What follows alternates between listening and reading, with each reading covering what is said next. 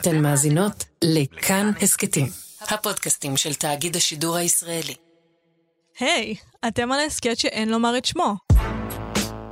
אני שיר ראובן. ואני דור סהרמן. ואנחנו קוראים את כל ספרי הארי פוטר מההתחלה ועד שהתאגיד יפסיקו אותנו. והיום הגענו לסוף, פרק 37 והאחרון, שבאופן כל כך יפה נקרא ההתחלה. סוף סוף נגמר הסיוט שהוא הספר הזה.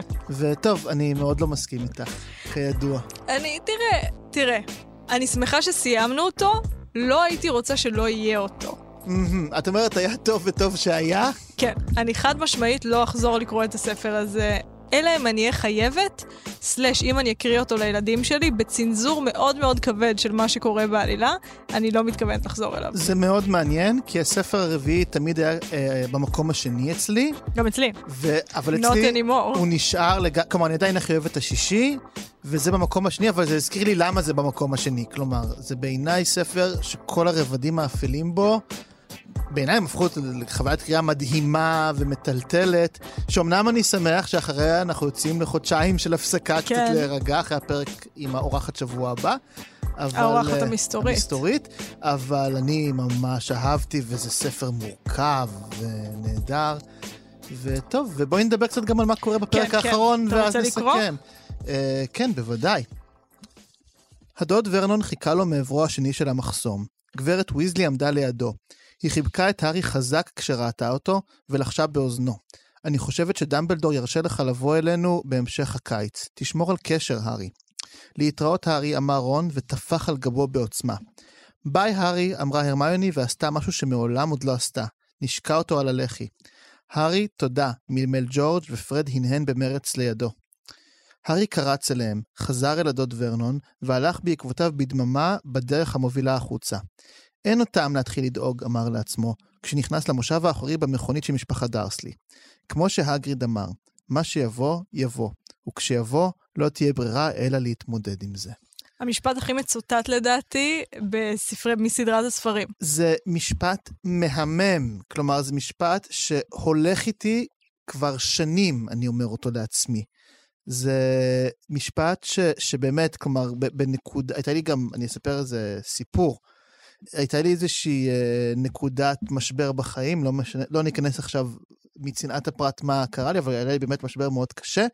ואז אה, אלכס אשתי פשוט שלחה לי בהודעה את המשפט הזה, והייתי כזה, וואו, אוקיי, היא, היא צודקת, זה נכון, זה, זה הכניס את הכל, כאילו, מאז אני באמת בפאזה אחרת מהבחינה הזו. וההכרה בו, שהיא כל כך עמוקה, זו הכרה כפולה. כלומר, זה לא סתם כשנגיע לגשר נחצה אותו, זה גם הכרה בזה שהדבר הזה יבוא. כאילו, הוא יבוא, אתה לא יכול להדחיק אותו. אתה לא יכול להגיד כאילו, אה. זה לא להגיד כזה, מתישהו זה יבוא ונתמודד, זה להגיד זה יבוא. זה, זה כאן, ו, ואני צריך להבין שאני עומד בפני אתגר עצום בחיים שלי, אני לא יכול להדחיק אותו, כי אם אני אדחיק אותו אני רק אקרוס ברגע האמת. ו, ולכן זה משפט כל כך עצום, כי הוא מכריח אותך להסתכל לדבר שהכי מפחיד אותך בלבן של העיניים שלו, ו- ולהגיד, אני כאן, ואני הולך לעבור את זה. כן. אין ברירה. אין ברירה. אני זוכרת שאחרי שקראתי את השורה הזאת, היית, לא יודעת, הייתי בת 13, 12, 13, וכתבתי אותו גם כן על סטיקי נאוט בדפוס, ותליתי אותו על הספרייה שלי. כי זה עדיין לא, אני חושבת שהגדולה של משפטים כאלה זה שמעבר לאסתטיקה, יש גם אסתטיקה של ספרות כאילו, אבל מעבר לזה, אתה יודע שאתה שומע משהו... אה, נכון כשאתה שומע אותו, גם אתה לא מבין עדיין למה זה תקף על החיים שלך, כי אתה כזה בן 13, אבל אני מאוד זוכרת שזה עשה לי רושם, וזה באמת, אני חושבת, המשפט הכי מצוטט, כאילו לא בדקתי את זה, אבל זה המשפט לדעתי הכי מצוטט מספרי הארי פוטר. בוא נגיד ככה, אם הוא לא הכי מצוטט, הוא צריך להיות הכי מצוטט, כי כן. זה המשפט הכי גדול בכל סדרת הספרים הזו. ואני באמת uh, לוקח אותו איתי מאז uh, בהרבה מאוד uh, שלבים בחיים שלי. משפט טוב. אז תודה על זה, ג'יי קיי רולינג. אני שמתי לב שבפרק הזה בעצם מה שקורה זה ש... וולדמורט חזר, סיימנו עם מודי, אריה הלך לישון, קם, וזה בעצם פרק הסיכום שעושה לנו איזושהי מין אה, הבדלה בין מה שהיה עד עכשיו, בין איך שהספרים נראו עד עכשיו, לבין אוקיי, משהו פה השתנה, ועכשיו אנחנו במקום אחר מבחינת הספרים, וקרה כאן משהו גדול. עכשיו, אני חושבת שאחד התיאורים היפים, אחד הדברים היפים שהיא עושה כדי דווקא להמחיש את כמה מה שקרה גדול, זה היא מציינת לאורך כל הפרק כמה מזג האוויר טוב וכמה היום יפה. והיה לא מזמן יום הזיכרון לחיילי צה"ל, ואחד המוטיבים שחוזרים כשאנשים מאבדים את יקיריהם, וגם ביום השואה מדברים על זה, זה שזה משוגע שאתה יכול לעבור משהו נוראי בחייך האישיים, ואז אתה יוצא החוצה והעולם ממשיך. ואני זוכרת שגם בקורונה, היה כאילו, בש... בקורונה, כאילו זה, זה, אבל נגיד שנה שעברה, מתי שזה הבסיס של זה, ולא ידענו איך זה ייראה, ולא היה חיסון, ולא ידענו מה הולך לקרות, עדיין בפעם, בשלושה ימים שהייתי יוצאת מהבית כדי לקנות מצרכים, הייתי יוצאת חוץ כזה, אה, מזג אוויר, זה עוד דבר שקורה. זה יום יפה בחוץ, פשוט כאילו אי אפשר, זה לא נכנס אליך בכלל. ואני חושבת שזה באמת אחד הדברים שאנשים שחווים אובדן, אה, חווים שהעולם לא מתקשר עם, ה, עם, ה, עם העולם הפנימי שלהם. שהעולם הפנימי שלהם נמצא כרגע באיזושהי קריסה, והעולם שבחוץ עובד, ואני חושבת שזו תחושה מאוד מאוד מאוד משרה חרדה. כאילו זה מופיע כאן כדבר שהוא לכאורה מרגיע. אבל אני חושבת שאם הבחוץ היה תואם את הבפנים, והיום גשום ונוראי, היה בזה משהו מרגיע, כי אתה אומר, הנה, הכל בקורלציה, אבל התגובה הזאת של העולם לא מסתנכרן עם מה שאתה מרגיש, יש בזה משהו... לא, לא נעים. זה ממש נכון, וזה גם מתחבר בדיוק למה שאני רציתי להגיד, באווירה הזו שרולינג בונה, שוב, לכאורה כמשהו חיובי, אבל כמשהו שמאוד מכין אותנו לאופל גדול, mm-hmm. וזה מה שהארי עושה עם הכסף. שהוא זכה בו. נכון. קודם כל, הכסף זוכה פה לאיזשהו מעמד מעניין, כן? כי הוא פתאום הופך בבת אחת למשהו מאוד מקולל, נכון? אף אחד, הארי לא רוצה בו, ההורים של סדריק לא רוצים בו, וברור למה, זה, זה רק יזכיר להם את, את הדבר הנורא שקרה לבן שלהם. והארי תקוע עם הדבר הזה, והוא פשוט לא יודע מה לעשות איתו עד שבאמת מגיע לו רעיון. שחשוב לציין, הוא גם לא רוצה אותו. הוא לא רוצה בכלל, כן, כן, אין בו שום עניין, ועד שמגיע לו באמת הרעיון להביא את זה לפרד וג'ורג'. אחרי שאנחנו מגלים שלודו בגמן הוא זבל של בן אדם שמרמה אה, בני נוער. הגובלינים עושים איתו עסקאות. כן, מסתבר שכאילו, מה שיפה זה, זה אגב משהו מאוד יפה שלמדתי גם אחד מהמאזינים להסכת כתב, הוא אמר מה התפקיד של לודו בגמן בעלילה, זה להיות ה false flag. אתה כל הזמן חושב שהוא קשור לדבר הנורא רע והאיום הזה, אבל אה, לא, רולינג משחקת איתנו ובסוף הוא סתם הוא בירוקרט של רוע כללי, אבל אני חושבת שזה עוד אמצעי שהיא משתמשת בו כדי להראות לנו שהוסרה איזושהי כסות של תמימות כן. מהעולם. מבוגרים מרמים ילדים גם. גם זה, וגם הגובלינים, זוכרים אותם? הם נוכלים, ובג... כאילו, זה, בקיצור. זה גועל נפש כזה, כן. ומול הגועל נפש הזה, אז הארי מקבל באמת את הרעיון לתת לתאומים את הכסף, כדי שישקיעו בכל הטריקים והתעלולים שלהם. וזה ממש יפה, כי יש רגע שרולינג אומרת אה, דרך הארי, אבל היא אומרת, אנחנו צריכים עכשיו דברים שיצחיקו אותנו. עכשיו, הומור זה דבר מאוד חשוב, ולא סתם ברגע הזה מעלים אותו על נס. אה, אחת האמירות הכי ידועות כאן זה שהומור זה הנשק של החלש, כן? למה תמיד אומרים שהומור יהודי הוא כזה טוב? כי יהודים תמיד היו אה, מיעוט נרדף, אז הם היו, איך הם התמודדו עם הסיטואציה הזו? הם צחקו על הסיטואציה, כן? לכן גם כל הנושא הזה של אה, הומור בשואה, זה עוד נושא ממש מעניין, היה על זה גם סרט יפה בתאגיד שנה שעברה. אה, להתמודד באמת עם הסיטואציה הכי נוראית בעזרת צחוק, כי זה משהו ש, שגם האיש הכי רשע בעולם לא יוכל לקחת ממך, את, את היכולת שלך כאילו לצחוק עליו. אז יש כוח בהומור, אבל זה תמיד יהיה הכוח של החלש. כן? וזה יפה, כי יש פה בעצם שרטוט מאוד יפה להמשך, כי אם הארי מבין שאנחנו צריכים עכשיו משהו שיצחיק אותנו, יש פה הכרה גם מאוד חשובה של הארי, שנראה לי רונינג מנסה להעביר לנו, שהם אה, הולכים להפסיד. ולו לזמן קצר, אה, עולם הקוסמים הטובים אה, הולך להיות וידו על התחתונה. אה, הוא הולך להיות בצד החלש יותר, ומה שהארי עושה מהבחינה הזאת זה פשוט השקעה. כמו שדמבלדור עכשיו עושה את כל ההכנות, כן, והוא, והוא מכנס מחדש את מסדר עוף החול, ועושה את כל ה... מוציא את כן תוכנית המגירה, שולף את תוכניות החירום שלו ליום הזה שזה קרה, זו תוכנית החירום הראשונה שהארי מיישם. להשקיע במה שיצחיק אותנו לקראת הזמן הזה, שהולך להיות מלא פשוט בחרא. Mm-hmm. ואני לא יכול להתחיל לבנות עכשיו צבא מאפס, אבל אני יכול לפחות אה, לעשות אה, אווירה טובה יותר. וזה חשוב, וזה גם רמז לרע שעומד לבוא. נכון, מאוד יפה. אני רציתי, אני אתחבר למה ש... למילה דמבלדור שאמרת. בבקשה. חיבורים חלשים אה, אה, בתולדות הפודקאסט. אני מאוד אהבתי את זה שבסוף, בארוחה של אה, סוף השנה, דמבלדור מספר את מה שקרה לסדריק דיגורי, ואז הוא גם מספר את מה שהארי עשה, והוא מרים אה, כוסית לכבודו. עכשיו, אה, היא מספרת שם שמהשנייה שהיא עשתה את זה הוא קל להארי. ואני חושבת שמה שדמבלדור מעניק להארי פה זה בדיוק מה שהוא מעניק לג'יני בספר השני, הוא מעניק לו ולידציה. עכשיו, וליד... ולידציה זה שם מאוד טיפולי, ויש עכשיו כל מיני, אתה יודע, פינטרסט של מושגים טיפוליים שמרדדים אותם לכלום, אז אני רוצה להתעכב על זה שנייה. מהמם. כי ולידציה הכוונה היא לאשרור. עכשיו, אפשר לומר שולידציה אשרור למה שמרגישים, נכון, אתה באמת אה, מרגיש את זה, אבל, אבל זה לא יהיה נכון, או לפחות לא נכון לחלוטין. הוולידציה מתייחסת קודם כל לאשרור של סיפור. זה הדבר המשמעותי שדמבלדור נותן להארי. כי בסופו של דבר זיכרון שלנו פועל בצורת סיפורים. עכשיו, סיפור זה נשמע כמו משהו שהומצא על ידי בני אדם, אבל אני תופסת סיפור יותר כמו פיזיקה. פיזיקה לא נוצרה על ידי בני אדם, זו איזושהי אמת שחיה בעולם, ובני אדם הצליחו לתאר אותה באמצעות שפה מסוימת. כנ"ל לגבי סיפור. סיפור זה איזשהו מבנה שדרכו הנפש מבינה דברים. סיבה ותוצאה, התחלה, אמצע וסוף. אפשר גם לראות ששמבנים שהיו קיימים בחברה שלנו הרבה לפני שהייתה, אה, לצורך העניין, אני חושבת אפילו שפה ברמה שהיא היום. ציורי קיר, או whatever. בגלל שככה הנפש מבינה דברים, אנחנו כבני אדם אובססיביים לסיפור סיפורים, כי זה משהו שמקודד בנו. זה כמו שתגיד, אוי, למה אתה כל כך אובססיבי לכוח הכבידה? זה, זה לא, זה פשוט מבנה שאני חיה בו, אני נאלצת לחיות בו כי ככה אני מקודדת.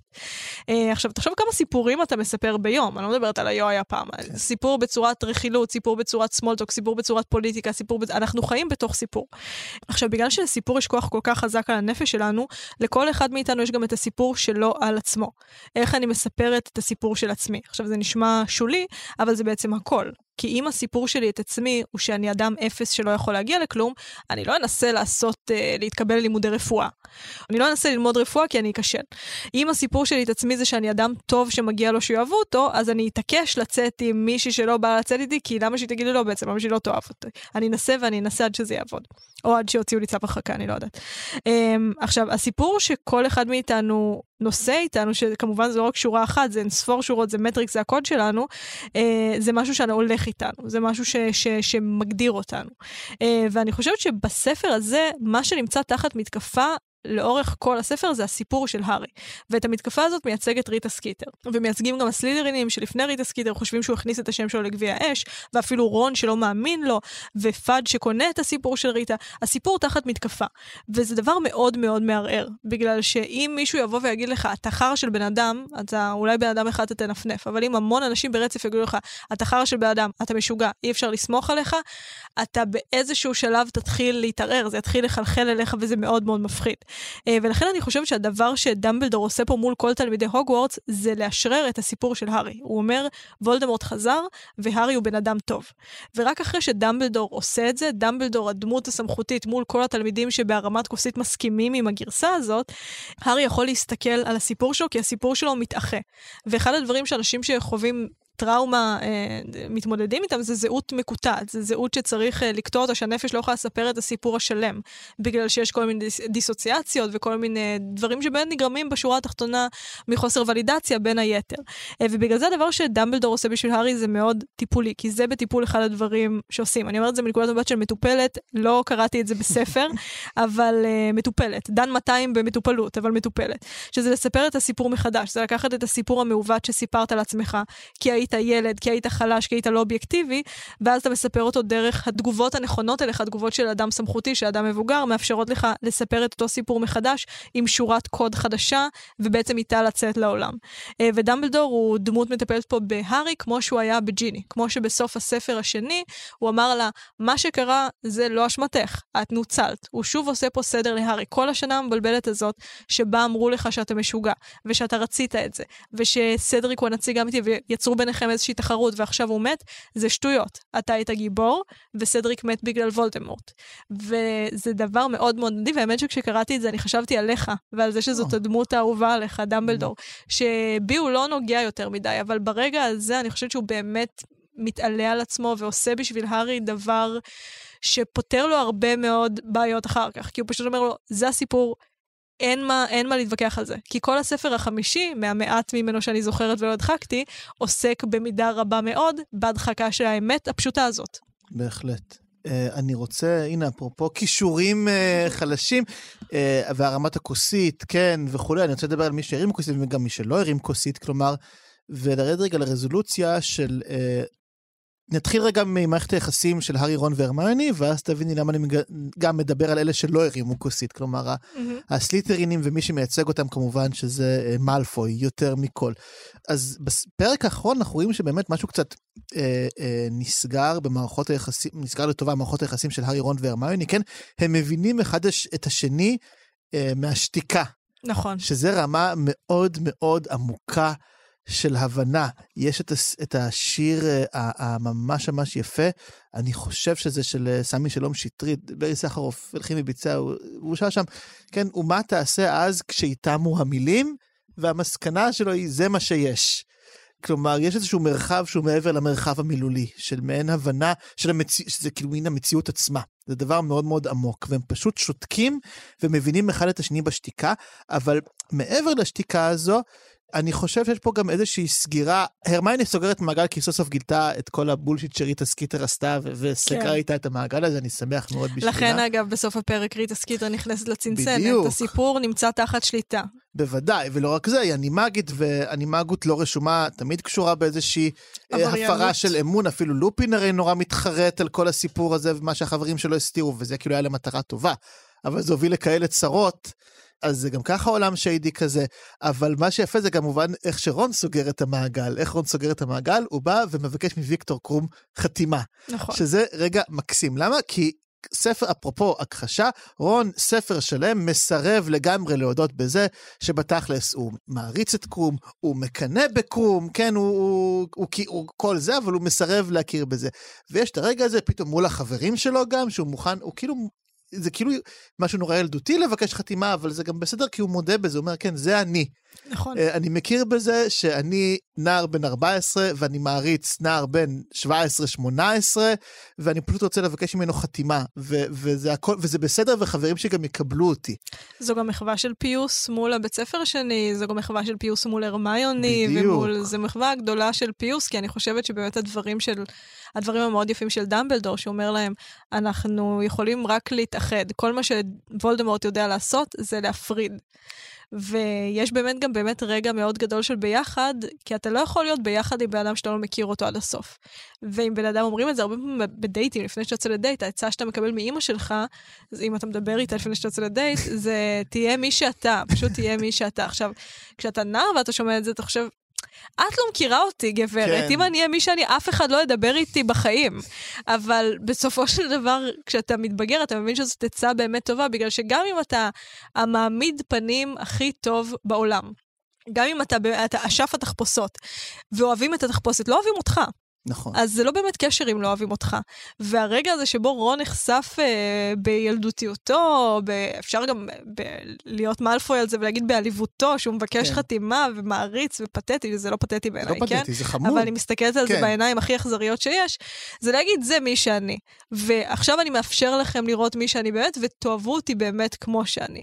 וזה באמת רגע מאוד מאוד יפה של חברות ביניהם. זה רגע מקסים, וכמובן שמי שעומד מנגד מול השלישייה הזו, זה בעצם סוג של החלק הרביעי. הרביעי בריבוע הלא קיים הזה, שזה דראקו מאלפוי.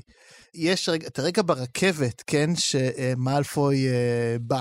עם קאב וגוי כמובן וכולי וכולי, ואז יש קטע מאוד מעניין. לכאורה זה עוד רגע בזוי רגיל של אה, מאלפוי, שעכשיו אנחנו גם יודעים שאבא שלו אה, הוא אוכל מוות בכיר, לא יודע, אה, סגן יו"ר וולדמורט, מה הוא עושה שם בארגון אוכלי המוות. אבל יש קטע מעניין. הוא בא ואומר להארי, אני הזהרתי אותך מהבחירות שלך. אני הזהרתי אותך לא להתחבר עם האספסוף הזה, כן, עם, עם משפחת ויזלי, כן. עם הרמיוני שהיא בוצדמית, כן? אה, הוא, הוא כאילו, כמובן, הוא, הוא לא רואה שם בכלל את הרמיוני ואת רון, כן? מבחינתם לא קיימים, הוא בא, הוא גם רואה את קרב וגויל, כן? הוא מבחינתו בא, ואני חושב שזה, שוב, הגרסה המעוותת בעצם של מאלפוי, לאהבה? לאהבה או לחברות. זה עכשיו נכון שזה כאילו גם קצת מדבר בקלישאה נכון כמו שרע בסרטים מדבר שהוא תופס את הגיבור אני הזהרתי אותך שזה מה שיקרה לך בסוף אם תמשיך אה, לחטט בעניינים שלא לך אבל אני חושב שגם יש פה אני חושב שהוא באמת צריך לקרוא את זה כמו שאומר הוא אומר אני הזהרתי אותך בספר הראשון. אני אמרתי לך, תתחבר אליי. אל תתחבר אה, לגורמים אה, כאלה, כי מאלפוי אגב גם שומע מן הסתם דברים בבית. כן. הוא יודע שאדון האופל הולך וצובר יותר ויותר כוח, ובאיזשהו מובן הוא רוצה אה, שהארי יהיה בצד שלו. מירון והרמיוני באמת לא אכפת לו, אני, אני חושב שגם מקרב וגוי לא באמת אכפת לו. האיש היחיד שאכפת לו ממנו אה, הוא הארי פוטר. הוא, יש לו איזשהו קשר מעוות איתו. הוא רוצה, אבל באמת באיזשהו מובן, לה- אני לא יודע אם הוא רוצה להציל אותו, אני לא יודע אם הוא רוצה אותו בצד שלו, יחד איתו, אם הוא רוצה להיות איזשהו סוג של חבר שלו, אבל איזושהי מורכבות מאוד עמוקה שיש להארי באופן כללי עם, עם הצד הסלית'ריני. כמו שגם הוא הארי מסתכל על סנייפ בארוחה בסעודת אה, סוף כן. שנה, והוא מסתכל עליו וחושב, מה הסיפור שלך? כן. מה, מה אני אמור להרגיש אליך בכלל? כן, אני, אני לא יודע בכלל מה, מה הקטע פה. ואני חושב שגם מאלפוי מרגיש את זה כלפי הארי באיזשהו מובן, כן? עם כל השנאה שלו אליו, ועם כל הדברים הרעים שהוא עשה ועוד יעשה להארי, הוא בא פתאום ברגע הזה וכאילו אומר לו, אני, אתה, אני רציתי שתהיה בצד שלי. בעצם רציתי כל להחביא אותך הזמן הזה. בעליית גג שלי. אני חושבת ששווה להסתכל על מאלפוי ועל הקשר שלו להארי, כי הוא מחפש את הקשר שלו עם הארי. עכשיו, אפשר להגיד שהוא שונא אותו. נגיד גם הסטיקרים שהוא הכין של אה, פוטר מסריח, תרגום מזעזע לעברית, אבל בסדר, וכל הדברים האלה, או, או הדברים, או השמועות שהוא מפיץ עליו, או זה שהוא בפה שלו כל הזמן. כשהם, כשהם שותים בספר השני את השיקוי הפולימיצי, אנחנו רואים שהוא יושב ומדבר על הארי פוטר. כן. בחדר מועדון. זאת אומרת, ושווה להסתכל על זה שבמובן הזה שנאה זה קשר. ההפך מאהבה הוא לא שנאה, ההפך מאהבה זה אדישות. והרבה פעמים שנאה קושרת אותך ממש כאילו בעבותות לבן אדם השני, אתה שומר איתו על איזשהו קשר, אפרופו הקשר בין השרביטים. כאילו, אתה, אתה מחבר את עצמך לבן אדם הזה באמצעות הסנטימנט המאוד מאוד גדול שאתה משקיע בו. אמ, עכשיו, אפשר להסתכל על זה גם בהקשר של גירושים, שכאילו, בגירושים לפעמים יש את הצד שרוצה להתגרש, ואומר, אוקיי, ביי, ניתוק. ויתורים יהיו ויתורים. בסדר, ויתרתי, הנה, בבקשה, ביי, שלום. ויש את הצד שבא לריב. והצד שבא לריב זה צד שלא באמת רוצה להיפרד בשורה התחתונה, והריב הזה הוא דרך לשמר את הקשר. ובהקשר הזה זה באמת מעניין, בגלל שמאלפוי חד משמעית רוצה קשר עם הארי. עכשיו, זה מעניין לשאול למה.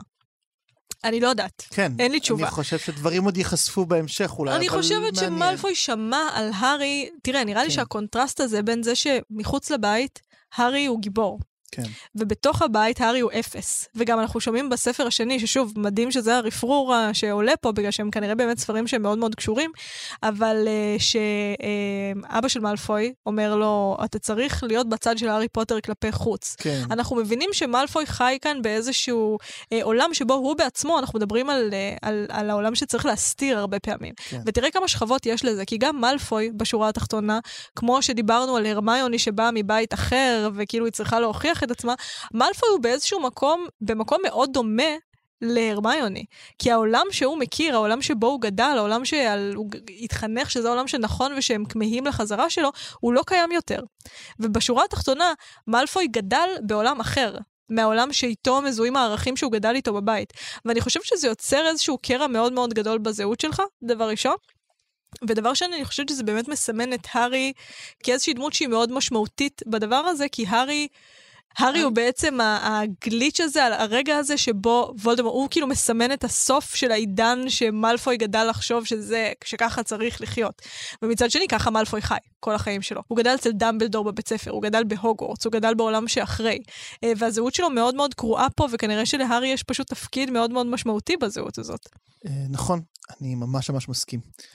אני רוצה עכשיו קצת, גם אנחנו גם מסכמים קצת את הספר. יש עוד משהו להגיד באמת לסיום לסיום של איך אנחנו יוצאים מה, מהספר הרביעי הזה, אני אשאיר את זה ממש לסוף, אבל לפני זה אני רוצה לחזור רגע למי שדווקא לא נמצאים בפרק האחרון, שזה הקראוצ'ים. הם לא מוזכרים בכלל. נכון.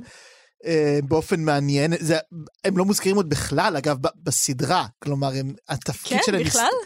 אני מאמין שמעריצים אדוקים בטח ידעו לתקן אותי אם הם כן מוזכרים, אבל בגדול בואי כן, נגיד, הם לא משמעותיים. הם לא מוזכרים, התפקיד שלהם מתחיל ונגמר פה, יפה. שזה מדהים שהם stand alone לגמרי בהקשר הזה, וחשבתי באמת הרבה, קראוץ' אהב מאוד מעסיק אותי. אני חושב שאחת הסיבות שמאוד אני אוהב את הספר הקשה הזה, זה באמת העיסוק שאני תופס אותו כעיסוק שלו בשאלת החוק. ויש פה שני מבטים מעניינים שחשבתי באמת ברצון של קראוץ' אהב להתמזג עם החוק ועם ההרסניות שהוא מביא על עצמו. בסוף שבוע העלו לנטפליקס את אה, שלושת סרטי רמבו. ראית רמבו פעם? בטח מאוד מזמן. אז אני פעם ראשונה ראיתי את רמבו הראשון בסוף שבוע, זה סרט מדהים. על מה זה? זה על וייטנאם? זה ס... לא, זה, זה נראה לי ההמשכים. מה שקורה, אני אתן תקציר בסרט הראשון, אה, רמבו הוא וטרן, כן, היה כזה במלחמת וייטנאם, הוא מגלה ממש בתחילת הסרט שהחברו האחרון ליחידה שהוא חשב שנשאר בחיים, הוא מגלה שהוא נפטר מסרטן. זה גומר אותו, הוא כזה יוצא סתם לשוטט, ואז מה שקורה זה, בא אה, מפקד, הוא משוטט באיזה מקום שום מקום ארצות הברית כזה, ובא שוטר המשטרה המקומית כזה בעיירה שבה כולם מכירים את כולם, והוא נראה איש נורא נורא חביב, וכזה אוסף את רמבו, ועושה כזה מי אתה וזה, ורמבו כזה כולו מדוכא מהחיים וזה, ובקושי מדבר. רמבו זה השם הפרטי שלו? לא, קוראים לו ג'ון. אה, אוקיי. ג'ון רמבו. אה, זה שמו.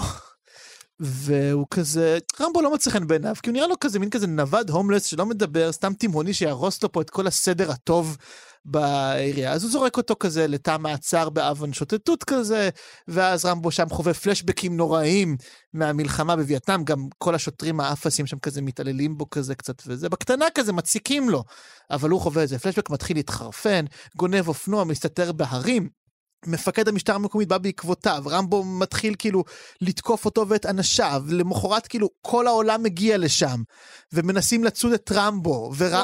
וכאילו ורמבו פשוט מצליח לתקוף את כולם, וזה נגמר בזה שהוא כזה מעלה חצי מהעיירה באש. זה מה שקורה ברמבו הראשון. זה אדם עם, את דיברת על, על פוסט טראומה מורכבת, זה כאילו הארי שלא קיבל טיפול מעולם, פשוט זורע הרס וחורבן.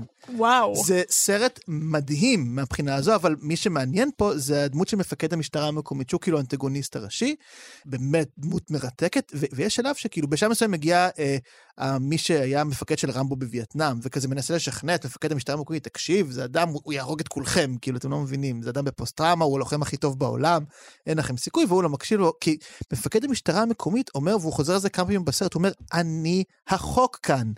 אני אקבע מה יהיה. גם כשמנסים, את יודעת, מנסים כזה מהמשטרה הפדרלית לבוא, כזה, הוא אומר כזה, לא, אני, אני ההתגלמות של החוק כאן, ולכן אני אנצח פה בהכרח, ובסוף רמבו יסור למרותי. אה, ומה שאותו מפקד משטרה לא מבין, זה בדיוק את אותו דבר שקראוץ' לא מבין. שהרצון האינסופי הזה להת, של האדם להתמזג עם החוק, שהוא והחוק יהיו אחד, הוא הדבר הכי הרסני שיש.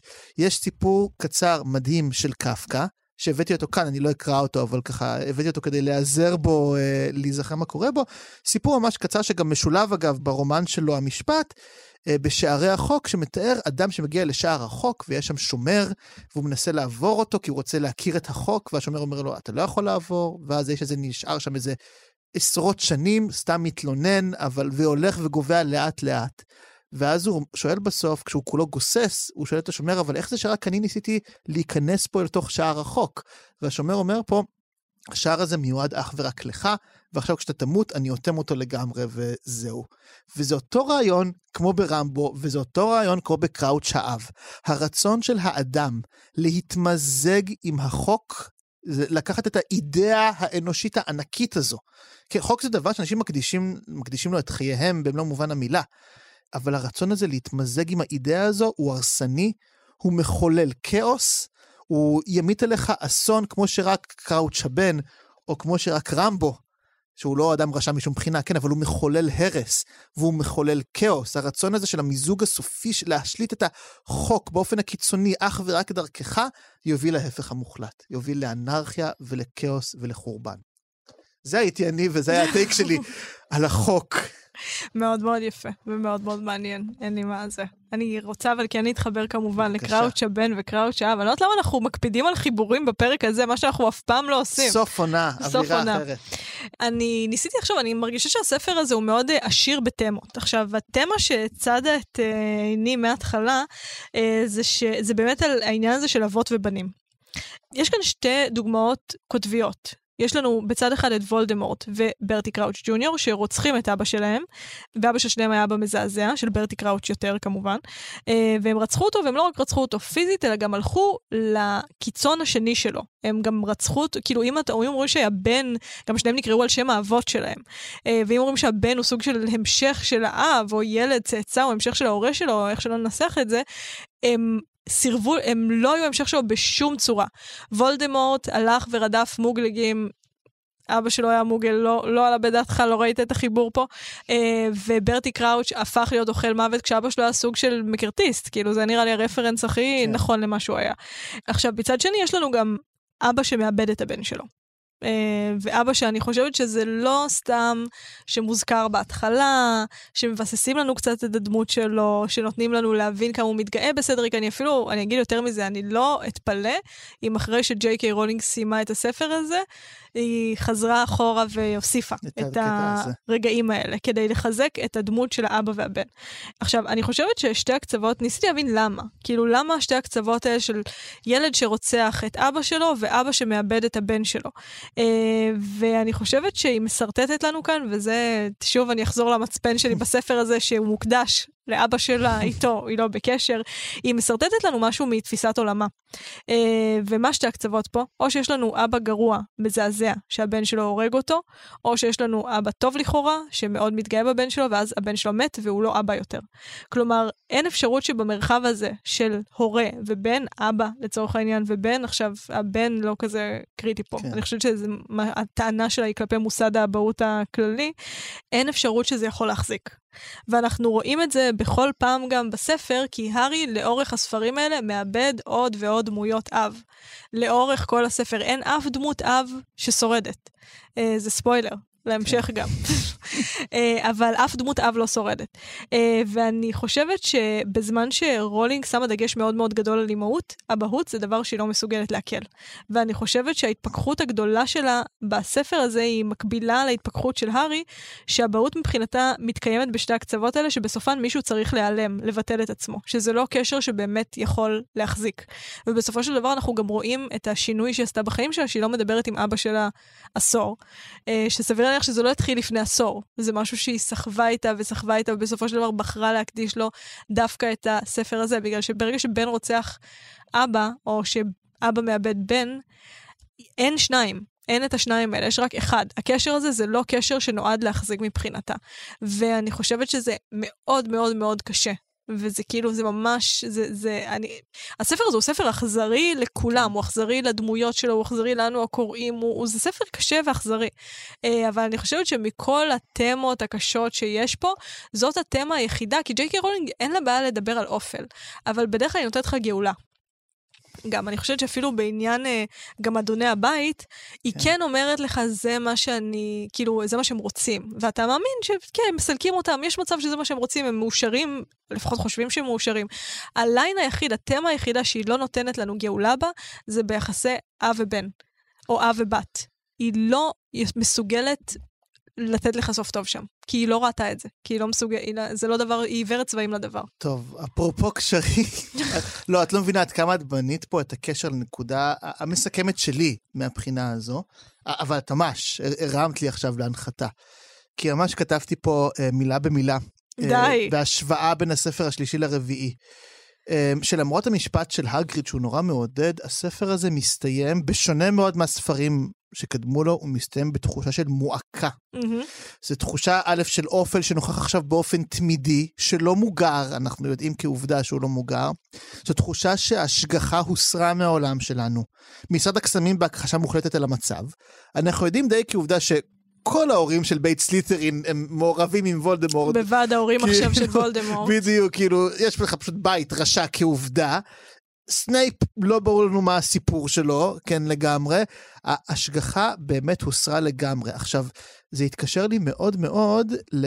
אני מחזיק פה בידיי, אתם לא רואים, אה, קובץ אה, שירה שכתבה משוררת שהיא גם אה, חברה, חברה, לא יודע, חברה קרובה, אבל חברה בהחלט, שלומית נעים נאור, שהיא בן אדם מקסים ומשוררת מאוד מאוד מחוננת.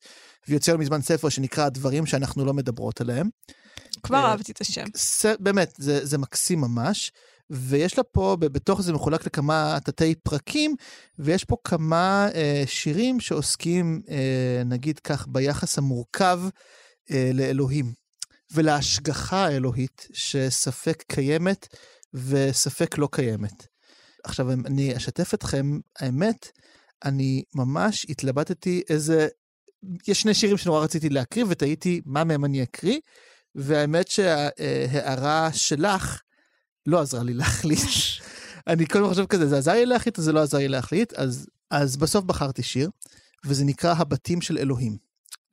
והיא כותבת כך: יש בתים שאלוהים לא נכנס אליהם. למשל, גרידה. רק אמג'ד המרדים והמנתחת היפה והאחות שמרחמת וחומרי ההרדמה. אלוהים לא.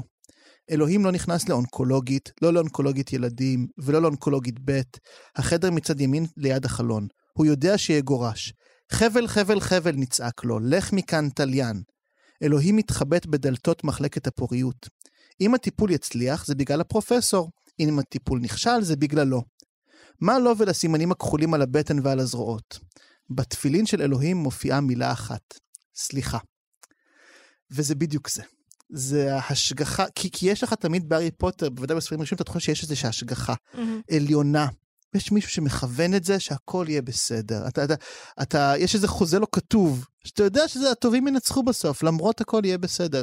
ופה, לראשונה, אתה מסיים עם הדבר הזה. אם אתה חושב שאלוהים צריך לבקש ממך סליחה, נכון. ממך ומכל הדמויות. איזושהי השגחה הוסרה, ומשהו נעלם לעד. נכון. וזה מאוד וזו באמת לי. התחושה הקשה שמסיימים איתה. ואני אסיים דווקא במשהו טוב. בבק... חייבים, בכל אני זאת. הרגשתי שאני חייבת, אה, שבפרק הסיום אני חייבת לדבר על הדמות שהשחרתי לאורך כל הספר, ובצדק. אה, לכאורה אין הזעם אה, מודי, באתי לקרוא לו אין הזין מודי. אני אקרא לו ככה. אה, אבל בפועל זה היה ברטי קראוט ג'וניור. עכשיו, למה היה חשוב לי להזכיר אותו? כי דיברתי עליו ועל הדפוס, למה הוא מתעלל ולמה הוא מגעיל ולמה הוא הדמות, הוא האב טיפוס של כל קשר מתעלל עם אדם שהיה, שהיה לו כוח עליך, עם אדם סמכותי עליך. אה, בעצם אני מדברת על איזושהי התעללות ש, שילד חווה ממבוגר. אה, זו ההתעללות שאני מתייחסת אליה. עכשיו, הבנתי שאת השורה התחתונה אני לא אמרתי. והשורה התחתונה היא חיובית, אני חושבת. בגלל ש... טבע הפגיעה הזאת של מבוגר בילד, הוא שבדרך כלל זה לא מבוגר שמגיע משום מקום. גם מודי הוא לא מבוגר שמגיע משום מקום, הוא מורה, הוא נערץ, הוא דמות uh, שנושאים אליה עיניים. אני חושבת שהוא באמת איזשהו, כאילו ש, ש, שרוב האנשים uh, תופסים ככה, לפחות עד רגע ההתעללות, את המבוגר בחיים שלהם שעושה את הדבר הרע, uh, שעושה להם את הדבר הרע.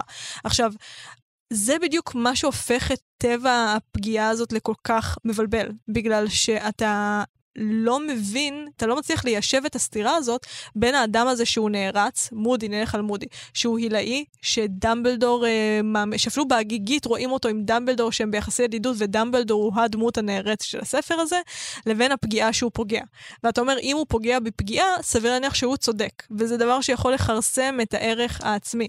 גם הארי, אני חושבת, אה, בשורה התחתונה, אם הוא לא היה יודע על הדברים האלה, מתי שהוא יושב עם מודי ו- ומקשיב לדברים האלה, סביר להניח שאם זה לא היה נגמר בדמבלדור, הארי היה נופל לבור של אשמה, ואיך לא ראיתי את זה. ואני יצרתי איתו קשר, ואני נתתי לו את מפת הקונדסאים, ועזרתי אולי אה, בעצם לדבר הזה.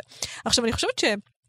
בספר הזה יש רגע מאוד מאוד, אני אגיד שוב את המילה הזאת, טיפולי, אה, בגלל שהארי מבין בבת אחת שמודי הוא לא מודי. הארי מבין בבת אחת שמודי הוא ברטי קראוט ג'וניור. וזה שוב, רגע, בהארי פוטר עושים את זה הרבה, אני מרגישה, שלוקחים לך תהליך שלוקח כמה שנים לעבור בטיפול, ונותנים לך אותו בשנייה. וזה רגע מאוד מאוד סמלי, כי הארי מבין שמודי הוא פשוט לא הדמות הנערצת הזאת. עושים לך הפרדה, יש בו בעצם שני אנשים. יש את הבן אדם, התוקף, הרשע, ש, שרצח את אבא שלו, שרצח את סדריק בעקיפין, שאחראי לכל הבלגן הזה, ויש את הדמות שהוא בעצם מתחפש אליה. ואני חושבת שבסופו של דבר, כשמנסים להבין, כשהתעללות שחווית על ידי אדם מבוגר, זאת ההפרדה ששואפים אליה. שאתה תצליח, שברור שזה יותר מורכב, ויש הרבה אזורים אפורים ובלה בלה בלה, אבל בשורה התחתונה זה להבין שאת ה... תקיפה, אתה מנתק את האדם התוקף מהאדם הנערץ. אה, וזה דבר שמאוד מאוד קשה לעשות, ואני חושבת שבגלל זה הפגיעות האלה, פגיעות של אדם מבוגר וסמכותי בילד, הן כל כך מבלבלות וזורקות לכל כך הרבה אשמה. היה איזה מישהו שבתחקיר שפורסם על אה, יהודה משי זהב לפני חודש בהארץ, אה, שדיבר על זה שבאיזשהו שלב הוא כל כך איבד את עצמו לדבר הזה, שהוא היה בא למשי זהב, והוא היה בא אליו כדי לחוות התעללות. כאילו. והוא אמר שהוא פשוט איבד את עצמו לגמרי, הוא לא ידע מה טוב, הוא לא ידע מה רע, הדמות הזאת הייתה דמות נערצת והשתמשה בו. ואני חושבת שהניתוק הזה, שהספר הזה מעניק להארי, שג'יי קיי רולינג בעצמה אומרת, יש שני אנשים, כן, זה לא זה אותו לא בן זה. אדם, זה פשוט שני אנשים, זה לא דמות נערצת, זה דמות שהיא כלום, שהוא פושע, שהוא ברח מאזקבאן, שהוא רוצח, שהוא משוגע, שהוא אוכל מוות. שוב, ספר מורכב כן. ובאמת יפה, כי אנחנו מכירים את הביוגרפיה שלו ויודעים למה ככל הנראה הוא נהיה כזה. אה, זה רגע מאוד מאוד יפה, וזה רגע של גאולה עבור הארי, בגלל שהוא מצליח לנתק את הדמות הנערצת מהדמות המתעללת. ובזה נסיים, בזאת נסיים. כי נגמר לנו כי הזמן. נגמר הזמן, גם של העונה וגם כן. באולפן. טוב, אז בפרק הבא יש לנו פרק ספיישל עם אורחת אה, מסתורית שבקרוב, אה, בעוד שבוע, אה, נגלה מי היא. כן. רק אה, להגיד שהיה מאוד מאוד כיף היה איתה. ממש כיף. כן, וזה כבר הוקלט בעצם, והיה ממש ממש כיף איתה. אנחנו זמינים להאזנה באתר כאן ובכל אפליקציות ההסכתים. אה, חוץ מזה, אפשר גם להצטרף אלינו לקבוצת הפייסבוק, הקבוצה שאין לומר את שמה, לדון, להיחסם, מה מה שתרצו. שתרצו. אה, תודה רבה, שיר. תודה רבה דור, ואני רוצה לומר תודה רבה לירדן מרציאנו שהפיקה אותנו בערכה. תודה.